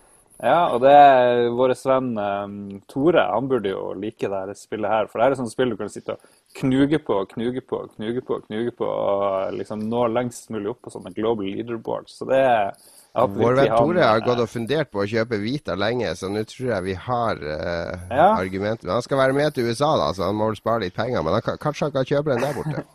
Ja, absolutt. Anbefales til uh, Tore. Absolutt. Magnus, du har spilt eh, skolestart. Sk- Skolestart betyr jo å sette seg inn i en haug med nye spillprosjekter. Nei, Du har jo fått et spill som du har drømt om sikkert i 20 år, kom jo til deg i innboksen din. Ja, min gode venn Tim Schæfer, som alltid har vært der for meg i, Ja, han har jo det. eh, Han har jo det. ja, siden 90-tallet i hvert fall. 80-tallet til og med. Tilbake til Monkey Island. um, de starta som kjent et sånn kickstarter-prosjekt um, for en stund siden. Noe som egentlig kickstarta Kickstarter, kan du si. Um, der de skulle lage et eh, godt gammeldags 90-talls pek og klikk-eventyrspill. da. -hmm. Uh, det har de gjort, i hvert fall delvis. De har, uh, de har lansert uh, del én nå. Ja, Den er ute for backere, men den er vel ikke lansert til vanlig salg Nei, det uke. slippes nå om ei uke, ja. Ja. Neste uke. Mm. Og den har du fått. Den har jeg fått. Og, Og spilt. Eh, Og spilt. Og runda. Jeg runda det vel eh, Jeg ga det to kvelder, men det, jeg, det var ikke mer enn fire timer å spille. Uh, men uh, koste meg. Jeg gikk rundt og starta alle dialoger og prata med alle. Og det Hva handler om det spillet? Det er to hovedpersoner. Altså, Jeg har spilt første halvtimen, og det, du er en sånn der uh, ung fyr i et eh, romskip som egentlig er et forkledd eh, barnerom, virker det som. Ja, det er, det er et romskip som er styrt av en sånn AI som heter Mom and Dad. Så altså det er to personligheter. Men Ja. Dad møter du aldri på, for Dad er alltid ute og jobber uh, utenfor skipet. Mens Mom da har en sånn veldig sånn moderlig stemme som, som bare er ute etter din, ditt beste hele tida. Skipet gjør sitt beste med å underholde deg, med å skape sånn eh, eh, falske farer, da. Sånne eventyr du kan sette ut på i litt sånn holodeck-type setting, da. Ja, det var, var litt morsomt. Eh, men, eh, og han er der grunna planeten han, han blir fortalt at planeten hans er gått ad undas, og at eh, de er på leting etter et nytt sted han kan bo. da. Så han er på en, et slags sånn evig tokt. da.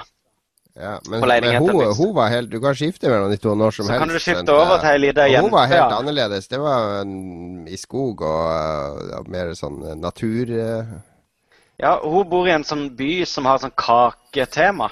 Så, eh, og hvor alle er bakere. Um, og, og hun skal da ofres til et sånt monster som dukker opp i landsbyen hos henne um, eh, jevnlig, da. Og, og eh, forsyner seg av fire jomfruer som presenteres til henne. For, eh, mot at han ikke skal angripe landsbyen. Uh, men hun ble fortalt av sin gamle bestefar at uh, de pleide å være krigere i den landsbyen, så hun forstår ikke hvorfor ikke hun bare kan bekjempe udyret. da. Bekjempe Mhm. monsteret i stedet for å bli ofra. Så hun er da på, på leiding etter Hun klarer å rømme, det er ikke så veldig spoiler, egentlig. Det er noe av det første som skjer. Men, og hun setter da ut på eventyr for å bekjempe dette eh, monsteret og, og redde landsbyen sin. Så det, du har to forskjellige, veldig forskjellige historier. Eh, med en gutt som eh, egentlig ønsker å sette ut og redde verden, mens eh, du har ei, eh, ei jente langt, langt, langt unna som, som prøver å redde landsbyen sin. Men, hva, men det, er jo umulig å, å gjenskape den magien man eh, opplevde når man var tenåring og spilte de her spillene for første gang. Eh, eh, ha, har det vært en nostalgitripp, syns du, eller er det et nytt produkt som står fint på egne bein, og som du har skikkelig kost deg med? Altså, jeg tror, du, jeg tror du For å sette ordentlig pris på det, så tror jeg du må ha, liksom, ha vært der forrige gang da mm. pek og klikk-spill var bra. Um, der spillet briljerer, syns jeg, er med at de ikke prøver egentlig å være noe mer enn et pek og klikk-spill i den stilen vi husker. Mm. Bortsett fra at de har, de har polert det. Det er en fantastisk artwork. Mye enklere. Det er ikke lenger sånn at du må trykke sånn på pick up og så må du trykke på en ting, en gjenstand, for å plukke den Ja, opp. ja, ja. Du tar bare musa over og klikker på den, så har du plukka den opp. Så det, men, men det er så senka skuldre hele veien. Det er et spill som, eh, som har ambisjonene på rette stedet, mener jeg, da. Fordi at det er et Det er lagd som et sånn her eh, eh, Husker du-prosjekt, egentlig. Mm. Eh, og det, det mestrer det perfekt, syns jeg. Eh, spesielt for sånne gamle romantikere, 90-tallsromantikere som er det. Too long to read, eh, Magnus. Hva er terningkastet her? Jeg gir det en uh, det, er, det er kun del én og bare fire timer spilletid, så det, du får vel en femmer hos meg. Ja, ok. Jeg var litt uh, skeptisk. Jeg er jo backer, så jeg har Ja. også fått det her greia. Men jeg har ikke spilt i det hele tatt. Men jeg var litt skeptisk da jeg så de her uh, første konsepttegningene og grafiske stilen. Jeg vet ikke, Hvordan funker det i praksis? Jeg vil jo helst ha pikselgrafikk og Zack McCracken-look på alt. Det er en funksjon for det, faktisk, hvor du kan eh, Hvis du setter oppløsninga ned på 800 ganger 600 eh, i settings, og så går inn på keybindings, så dukker det opp et sånn hemmelig ikon du kan klikke på, hvor du kan binde en key til, til dette ikonet, som da betyr eh, old school mode. Eller classic mode, eller et eller annet sånt. Så hvis du f.eks. binder det til F1, du kan trykke på F1 in game, og så, så pikseleres grafikken. Så får du den, den gode, gamle looken du er ute etter. Ja, ok, ja.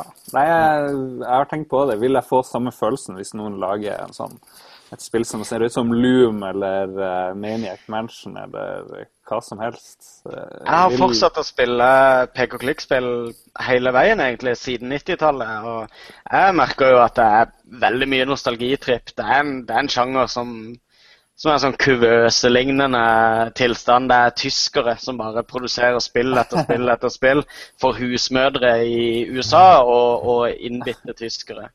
Eh, så det, det har stagnert. Det er, ikke, det er ikke en interessant sjanger rent sånn her eh, innovasjonsmessig, men det er en, en fin måte å fortelle historier på, syns jeg. da. Mm. Ja, nei, det er fortsatt en av de beste måtene å oppleve historier i spill på, syns jeg. Mm. Så jeg gleder meg til å bli ferdig med det spillet. Eller ikke bli ferdig med det, men å komme ordentlig i gang med det, for jeg har noe annet jeg må spille eh, med først. Det er fire timer. Det klarer du. Det skal jeg klare. Hurtigspor. Jeg hopper over alle cutscenes, så, så klarer jeg det på tre. Så dere, den, så dere den videoen forresten om eh, hva som ville skje hvis man oppførte seg med spill i det virkelige liv? Da var det jo skip cutscenes, uh, for eksempel. Ja. Noen begynte å prate, så bare OK. ok. det var en fantastisk video. Vi skal over til en fantastisk spalte, for nå er begge quizmasterne på plass. Og da burde du strengt tatt endre introsangen, men den er sånn som før. Quiz med Quizmasteren.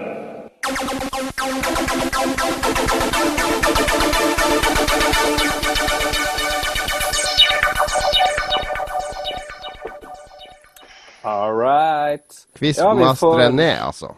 Ja, men vi får eh, omordne hele greia, for nå er vi jo tre faste folk i redaksjonen her. Så vi må finne en eller annen måte. Jeg er lei av å, å eh, drive og lage quizer til andre, men jeg har ikke lyst til å bli quiza sjøl, for det kommer ikke til å gå bra. Så vi må, vi må, Vi vi må få en eller annen greie. Vi får ta et møte, eventuelt at vi kjører det bare når vi har eh, gjester. Men eh, vi må i hvert fall eh, fortsette inntil vi har et nytt konsept. Og da har jeg en eh, spesialquiz her. Litt oppsummering av 2013. Litt random spørsmål jeg fant ut her da jeg satt i panikk og måtte eh, skrive spørsmål mens vi hørte på lytterspørsmål og svar. Men dere vet hvordan tingene er. eh, Lytterne vet hvordan ting er. Men det eneste nye er er dere logga på Facebook. Jeg tenkte vi skulle gjøre sånn som QuizDan, hvor dere sender inn svarene eh, til meg på direktemeldinger på Facebook. OK. Så Ja, da, har jeg, da har jeg Facebook oppe. Så da er det bare for dere å gjøre dere klar. Og sende meg direktemelding når dere har svarene. Så slipper vi å spørre én og én, så bare tar vi det samtidig. Der er Jon på plass. Og Jeg er klar. er Og der er Magnus på. Der er Yes. du på plass. OK, da eh, kjører vi spørsmål én, så har dere ca. ti sekunder på å sende meg et svar på, og så tar vi det med en gang, hvem som har rett. Spørsmål nummer én. Hvis, be- hvis begge har rett, er det den som da fikk først, som får poeng. Nei, det er en quiz. Nei, da. Nei, vi, vi samler òg. Nei, det, det er tid har ikke noe å si. Jeg sier når tida er ute. Skal vi se, Spørsmål nummer én. Hva er det mest solgte spillet i Japan i 2013? Og jeg tror ikke jeg kan gi noe særlig hint på det. Det kom jo masse oppsummeringer av eh, årets mest solgte spill i både USA og i Japan eh, i uka som var. Så det her skal være fullt mulig å svare på. Jon har svart. Magnus, punch something. Ja da. Og vi har en vinner. Skal vi se. Eh, Jon har svart Monster Hunter 4. Tror du han har rett, Magnus? Eh, ja, jeg tror egentlig det. det er i hvert fall Jeg vet ikke. Uh, jeg aner ikke. Jeg vet hvem som har solgt best i verden, men jeg aner ikke hvem som har solgt best i Japan. Så jeg Hva, gikk hva, du svarte, hva du svarte, Magnus? Jeg svarte Pokémon. Det gjorde du, og du har helt rett, Magnus. Var 1-0 til deg. Ja det Den solgte 3,9 millioner. Ja, hvilken av de som solgte så mye? Det Det sto både X og Kan Y. ikke bare Det sto- Jo, de summerte det opp både X og Y. Det er jo Det er samme spillet. Det er ikke det er ikke- Hvil, forskjellig. ja, da var spørsmålet egentlig hvilke to spill som solgte mest i Japan i fjor? Er det sånn det skal være nå for alle spørsmål? har Jon Cato? Jon er lei av å tape. Ja. OK, Ja, jeg spørsmål, tapte sist. ok, spørsmål nummer to, og her kan man få tre poeng. Hva er uh, bestselgende spill i USA i 2013? Jeg vil ha nummer én, to og tre. I USA? Ja, i USA. Ja, vi har fått første svar fra Magnus. Ja. Det ser bra ut. Jon har ikke svart noe som helst. Jon svarer Jeg tror ikke han mente det seriøst. Vi får ta det i oppsummeringa. Det tenkes det hardt der. Dere får litt mer tid. eh, Jeg Det så det igjen, det NPD-tallene, så det burde jeg huske. Ja. Ja. Ja. Kom igjen, Magnus. Nå Ja, okay. må du svare. Og han bare puncher på. Så litt oppgitt ut her. Ja, Borte i OK. Sørlandets store sønn har svart det. OK. Skal vi se. eh, Jon Cato, hva har du svart? Jeg har svart GTA 5, Call of Duty og Assassin's Creed. OK. Eh, hva har eh, Magnus svart? Kan du si Jeg skrev det samme, men uh, Battlefield 4 for Assassin's Creed. GTA 4, Call of Duty Ghost og Battlefield, Battlefield 4. GTA 5 skrev jeg, jeg skrev ikke GTA 4. Nei, du skrev 5, unnskyld. Ja. Sorry. OK. Best solgte nummer én var selvfølgelig GTA 5. Uh, Ett poeng til hver. Nummer to var Call of Duty, helt rett. Men nummer tre har ingen rett, dessverre. Hva var det som var rett der? Pokémon. Husk at dere er i USA. Der er det Madden og NFL eh, Ja. skrukkebæ nummer ett eller annet, som var nummer tre. Jeg tror ikke de har summert opp X og Y i USA, så det kan hende at de er, skal være høyere opp. Skal du ha Ja. Magnus, Jon, da må vi Er dere fornøyd? Er dere fornøyd? Poengdelen så poengdeling. Greit, greit. 3-2 eh, leder Magnus. Skal vi se, Spørsmål nummer tre. Hvilket rockeband skulle, hvilket rockeband skulle egentlig ha sitt eget spill som skulle komme ut i 2005, men som aldri kom ut? Det ble eh, releasa noe concept art til det spillet i 2012, tror jeg det var den nyheten kom. Ingen fersk nyhet, altså, men et rockeband skulle ha sitt eh, eget spill. Who is Eh, this? I 2005. Ja, skulle det egentlig komme ut. det kom vel ut et annet spill eh, med dem med eh, rundt den tida, Riktig. men det her andre greia kom aldri. Ja, jeg tar det tilbake. Jon tar det tilbake, det er Ja, greit. det er mitt svar. OK, det var feil uansett. OK, Magnus, hva du har svart? Jeg svarte Aerosmith. De har allerede ett eller to spill. Ja, dere er inne på noe der, men eh, det, Var det er Kiss? feil. Jon, du svarte. Jeg svarte først Green Day, men så endra jeg til Iron Maiden, for der husker jeg så noe concept art. Ja, Nei, det vi sikter til her, er selvfølgelig Metallica. Hæ? De kom i stedet med sin egen expansion i uh, rockband. Så hvis dere Ja, søker de kom med et eget Guitar Hero-spill. Ja, ja, det er jo ja, ja. Standalone. Potato, potato. Det var jo ikke deres eget spill, det var jo Guitar Hero Metallica. Så, ja. Null poeng til Quizmaster. Null, null poeng til dere. ja, men det, var- det var bilder av James Hetfield med sånn her bazooka og sånne ting som de lagde. Så det hadde ikke noe med musikk å gjøre. De lagde jo sin egen film her, tror jeg. Det er noen som har sett den. En Sånn weird ass shit som kom ut i år eller i fjor. Sikkert i fjor. Metallica? Ja. ja. Sånn her, eh, de, vi har for mye penger, vi må bruke det på noe. Vi finansierer en film med oss sjøl i hovedrollen. Ikke som Kind of Monster. Nei. Har du sett den der filmen? Den har vært på kino nå, har den ikke det? Den der, eh, De har liksom konsert i LA, og så er det en sånn dude som skal ut og skaffe noe, og så er det sånn riots i gaten, og eh, Det er en Det er eh, konseptfilm rundt musikken deres. Ja, nei, har du sett den? Nei, nei, nei, jeg bare jeg hørte en anmeldelse av den på radioen, men det er jo ikke noe jeg gidder å se. Ja, jeg var jo Metallica-fan, men det er jo lenge siden, for å si det sånn. OK, nå tetner det til. Magnus leder fremdeles. Vi går på spørsmål nummer fire. I hvilket år ble Shuhei Yoshida ansatt i Sony? Eh, Vi vet jo at Shuei Yoshida er sjefen for eh, ja, hva vi skal si, spillutvikling eh, nede i Japan. Han er leder for Sony-studioene, i hvert fall. Det her er jo verre spørsmål enn vi har på quiz. Eh, Det er jo dere som er quizmasterne. Det, er, det er jo den som kommer nærmest som får rett her. Så det er bare å eh, tenke på et tall. tenk på et tall. Han Da trenger jeg ikke skrive noe svar heller. Da bare tenker jeg på et tall. Altså, du får se hvordan det går. ja, jeg har svart. Ikke som jeg ser, men OK. Hæ? Jeg ser ikke noe svar. Da teller det ikke. Det står til og med sin ti Jeg ser Er ikke noe svar. Hæ? Jeg ser ingenting. Nå har jeg sagt det tre ganger. OK.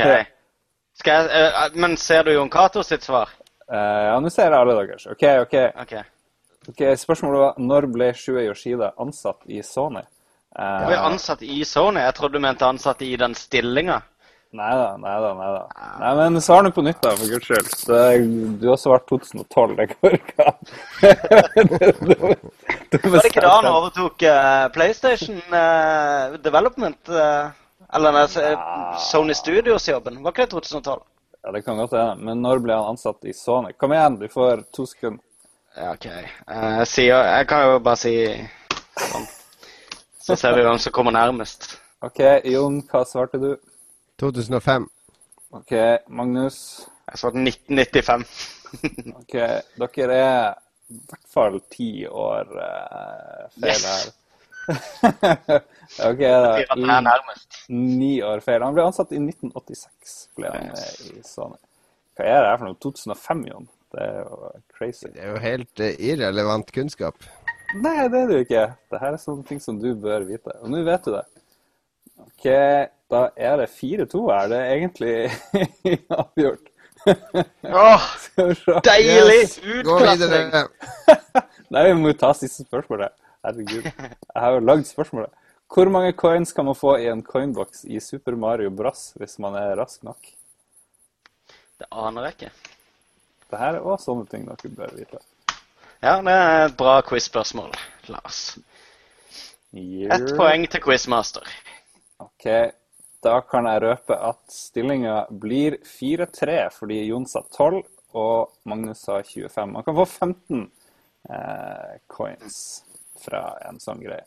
Ja vel. Nei, men gratulerer, Magnus. Knalldebut eh, her i Lolbua. Ja, jeg føler jeg reisa kjerringa fra forrige gang, da jeg ble knust av Jon Cato, så det var godt. Han var på en uslåelig streak der en stund, eh, Jon. Vi må definitivt gjøre noe med den spalten der, altså. Jeg tror jeg har utspilt sin rolle nå. Ja, det var ikke noe gøy lenger nå. Det var, det var veldig, veldig kjedelig, egentlig. Jeg satt der og så på klokka hele tida. Nå derimot kommer det noe som ikke er så kjedelig. Nå skal nemlig Magnus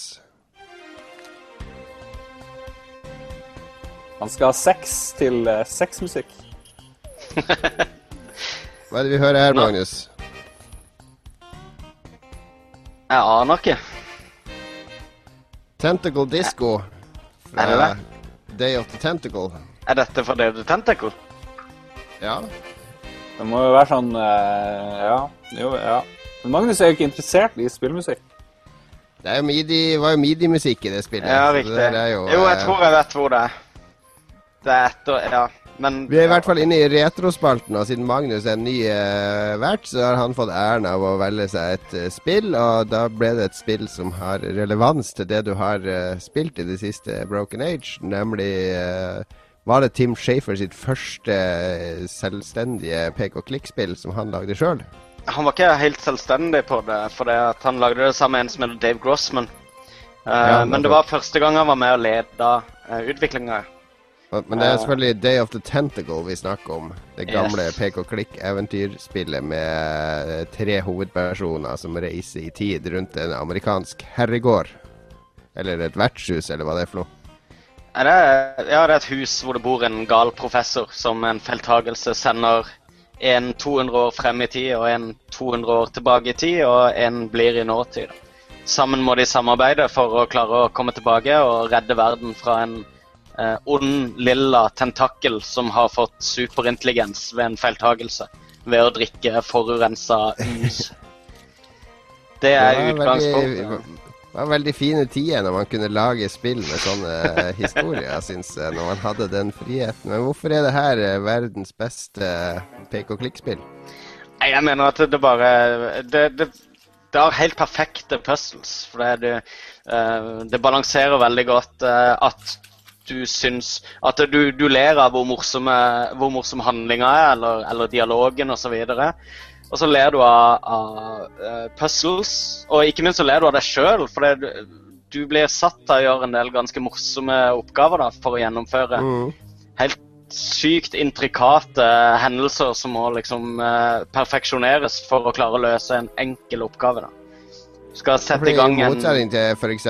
Grim Fandango, så syns jeg jo puzzlesen, eller, eller de oppgavene, er mye kulere i Day of the Tentacle. De ja, er, mye mer noen av de er litt eh, spesielle, men de er likevel logiske. eh, ikke så obskure, kanskje, som i andre pek-og-klikk-spill. Hvor hva, eh, Puzzles er jo egentlig Er det sjela til et pek-og-klikk-spill, eller er de underordna historien og, og grafikken og atmosfæren?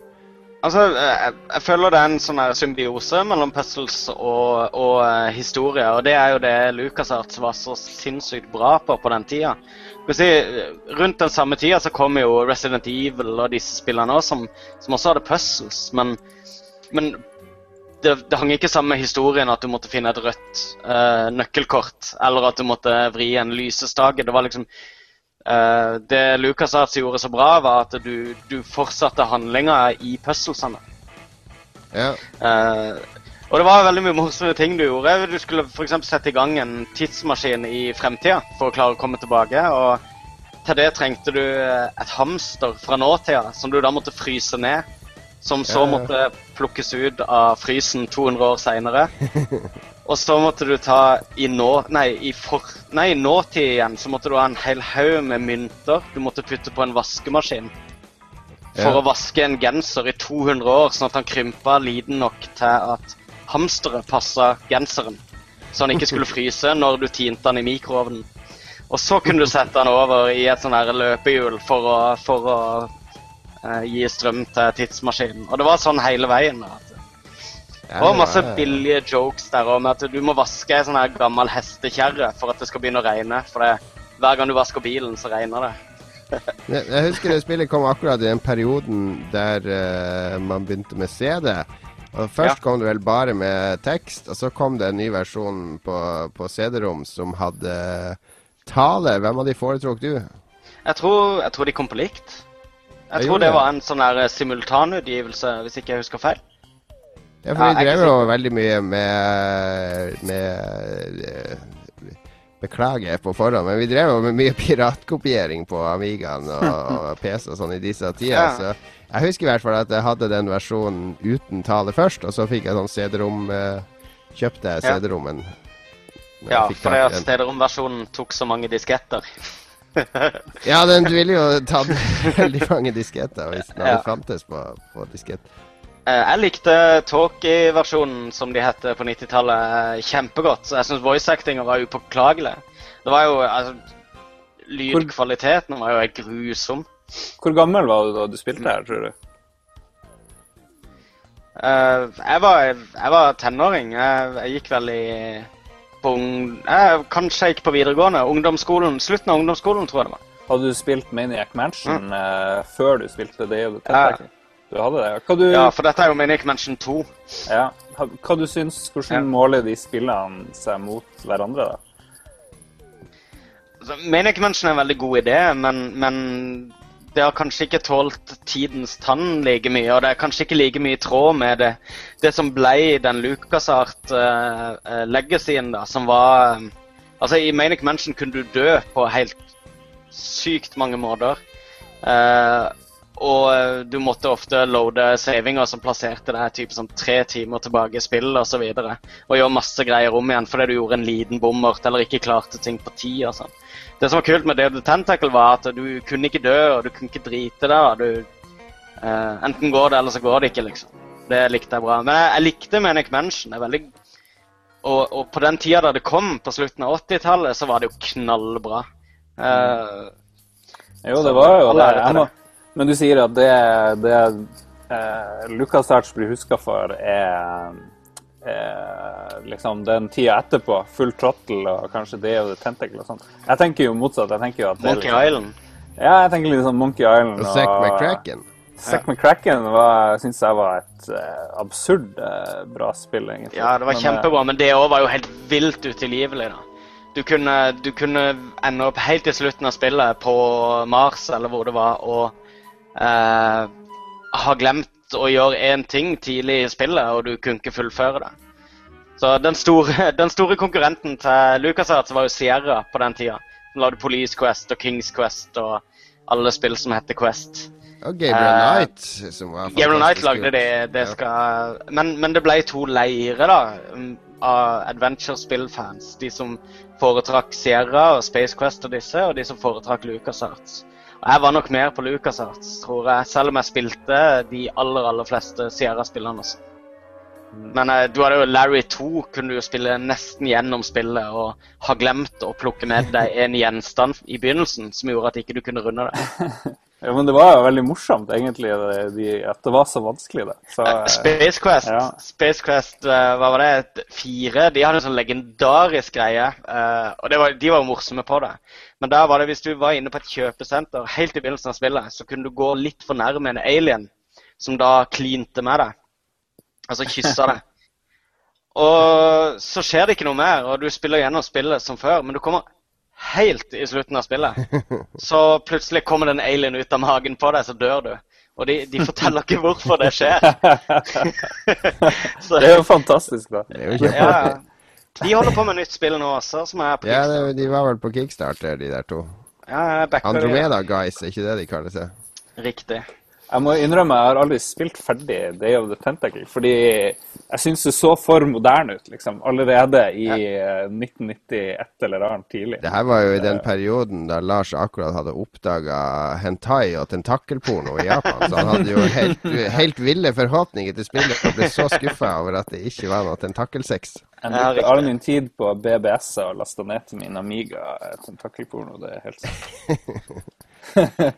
Nei, men det er, eh, det er et veldig fint spill å dra frem i dag, i og med at Tim Shafer er tilbake med det han egentlig begynte med. Du har, du har jo hatt eh, faktisk eh, sånn direkte kontakt med Tim Shafer òg, har du ikke det, Magnus?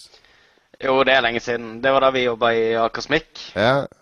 Um, da Du la du fikk en sånn tegning fra han på en Post-It-lapp og sånne ting. Ja, ja, ja. For han la ut en greie med De oppfordrer alle til å kjøpe Xbox, for de jobba på Psychonauts på den tida.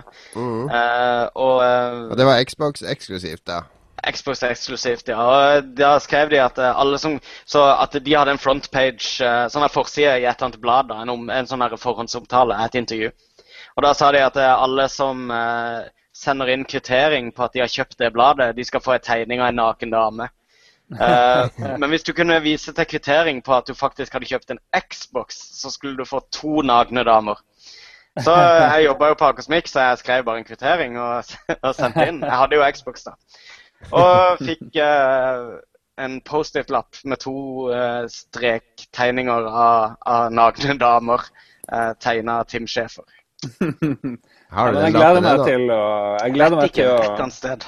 Ja, jeg gleder meg til å spille gjennom Day of the Tentacle. Jeg må gjøre det nå endelig. Men fins det på Steam ennå, så vet jeg hvor vi får tak i det her spillet. Ah, det er Scum VM i hvert fall, så det, men det er vel ikke frigjort. Det er jo LucasArt, og da er det jo Disney som eier det. Ja, det er jo et helvete uten Ja. like. Det som også er morsomt, da, er at eh, det var jo uh, Tim Schaefer og Dave Grossman som lagde dette spillet her. Begge de jobba under han derre eh, legendarisk Ron Gilbert, ja. De jobba under han på Monkey Island 1 og 2 og, Mm. og, og uh, Manic Mansion. Men her fikk de Disse to da, de endte opp med hvert sitt kjempefirma. Og Dave Grossman er jo sjef i Telltale Games, som uh, lagde uh, Walking Dead i fjor. Som de Ja, ja, ja. Eh, så Så det er skal de lage stykker. 20 nye spill nå i 2014. Herregud, alle vil jo at de skal lage spill nå. Hva, Game of Thrones òg, var det ikke det? Ja. Og, eh, og Borderlands og Ja, det er, nå lager de alt. Regner med de skal lage Star. Wars-spill òg etter hvert, tenker jeg. Ja, bare de klarer å kutte ut den leggen i de her spillene sine, så er jeg veldig fornøyd. Det bør de jo Hvilken legg er det? Nei, det, det, det, det hakker, eller det stopper jo av og til ikke sant, når du skal loade. I hvert fall gjorde det på Xbox 360-en min da jeg spilte gjennom eh, The Wolf Among Us episode 1 her for ikke så lenge siden. Ja, Det går smooth på PC, men eh, ja, ja. Jeg håper Magnus sin uh, retro-mimring av et av tidenes beste pek-og-klikk-spill kanskje har inspirert noen til å dra frem spillet. Lars, du ble i hvert fall inspirert. Ja, jeg må finne en piratversjon av det her spillet. Fort som faen. Jeg håper det. Kjør på. Vi har kommet til veis ende, fordi eh, grensa mi går ved 1,45. For ellers så blir MP3-filer for stort å legge på nettsida vår. Det er greit. Ja, det var en herlig intro til det nye året etter at NM i gameplay var ferdig. Det her gikk jo supersmooth etter katastrofe-episode 13, så det her er den ekte episode 13. Ja. Vi er nå tre mann i Lolbua. Hvordan følte du det gikk i dag, Magnus? Eh, Kan du leve med det her på CV-en? ja, det kan jeg vel. eh, eh, Det var litt nølende. ja, jeg vet ikke. Det er litt vanskelig å evaluere hva du nettopp har sagt. Du kommer til å Men, fortelle eh, alle klassekameratene dine på BI om å høre på Lolbua. Ja, ja, nå blir det henge opp lapp på døra, vet du. og Skrive det på tavla før i friminuttet. Det blir, det blir suksess, tror jeg. Er det noen som har noe mer å legge til i dag? Jeg syns det har vært uh, fin uh, sending i dag. Det har vært uh, usedvanlig bra. Jeg tror uh, Magnus har potensial. Jeg tror det. En gang så kan du bli, kan du bli liksom en naturlig del av greia, i stedet for at vi skal snakke om det i tredjeperson og sånne ting. Men ja, det kommer til å Dere trenger litt sånn her du vår eh, Altså, jeg er jo uh, Tori Skoglund, og så er jo Lars uh, er jo han der uh, på piano. Så du er litt inne i Mossa-rollen nå, da, Magnus. Men, eh, men etter hvert så får du sitte ved bordet òg. Jeg er jo her for å balansere ut litt den der ufattelig skeive nordlendingvinklinga som er per i dag. Så det er jo ekte sørlending som prøver å, å få vekta litt tilbake i vater her. Du får bli med til USA, så vi får eh, omvendte. Jeg tenkte jeg skulle bli med med sånn green screen. At jeg skulle bare sette opp en green screen hjemme og bare late som jeg er med der. For jeg tror ikke det blir noe USA-tur på meg. Det, det er jo faktisk en funksjon her i Google Hangouts for å lage falske bakgrunner, så du kan jo eksperimentere med det. Ja. Eh, det var i hvert fall det vi hadde for denne sendinga. Håper alle lytterne er fornøyd med at vi endelig er tilbake. Vi lover å lage ukentlige sendinger fram til påske, i hvert fall. Da blir det sikkert et avbrekk i påskeuka. Vi har masse mer å snakke om. Vi har masse med nye spalter på vei som jeg har grubla på, og som Lars har grubla på. Og Magnus, du står fritt til å gruble ut hvis du vil lage noen spalter. Så jeg kan gruble hvis jeg vil. Du kan gruble hvis du vil. Ok. Gruble gjerne. Og vi skal selvfølgelig ha med gjester òg utover. Vi har en lang liste med, med folk vi vil ha med i programmet, så det er bare å følge med videre. Takk for i dag, og ha det bra. Ha det bra. Ha det.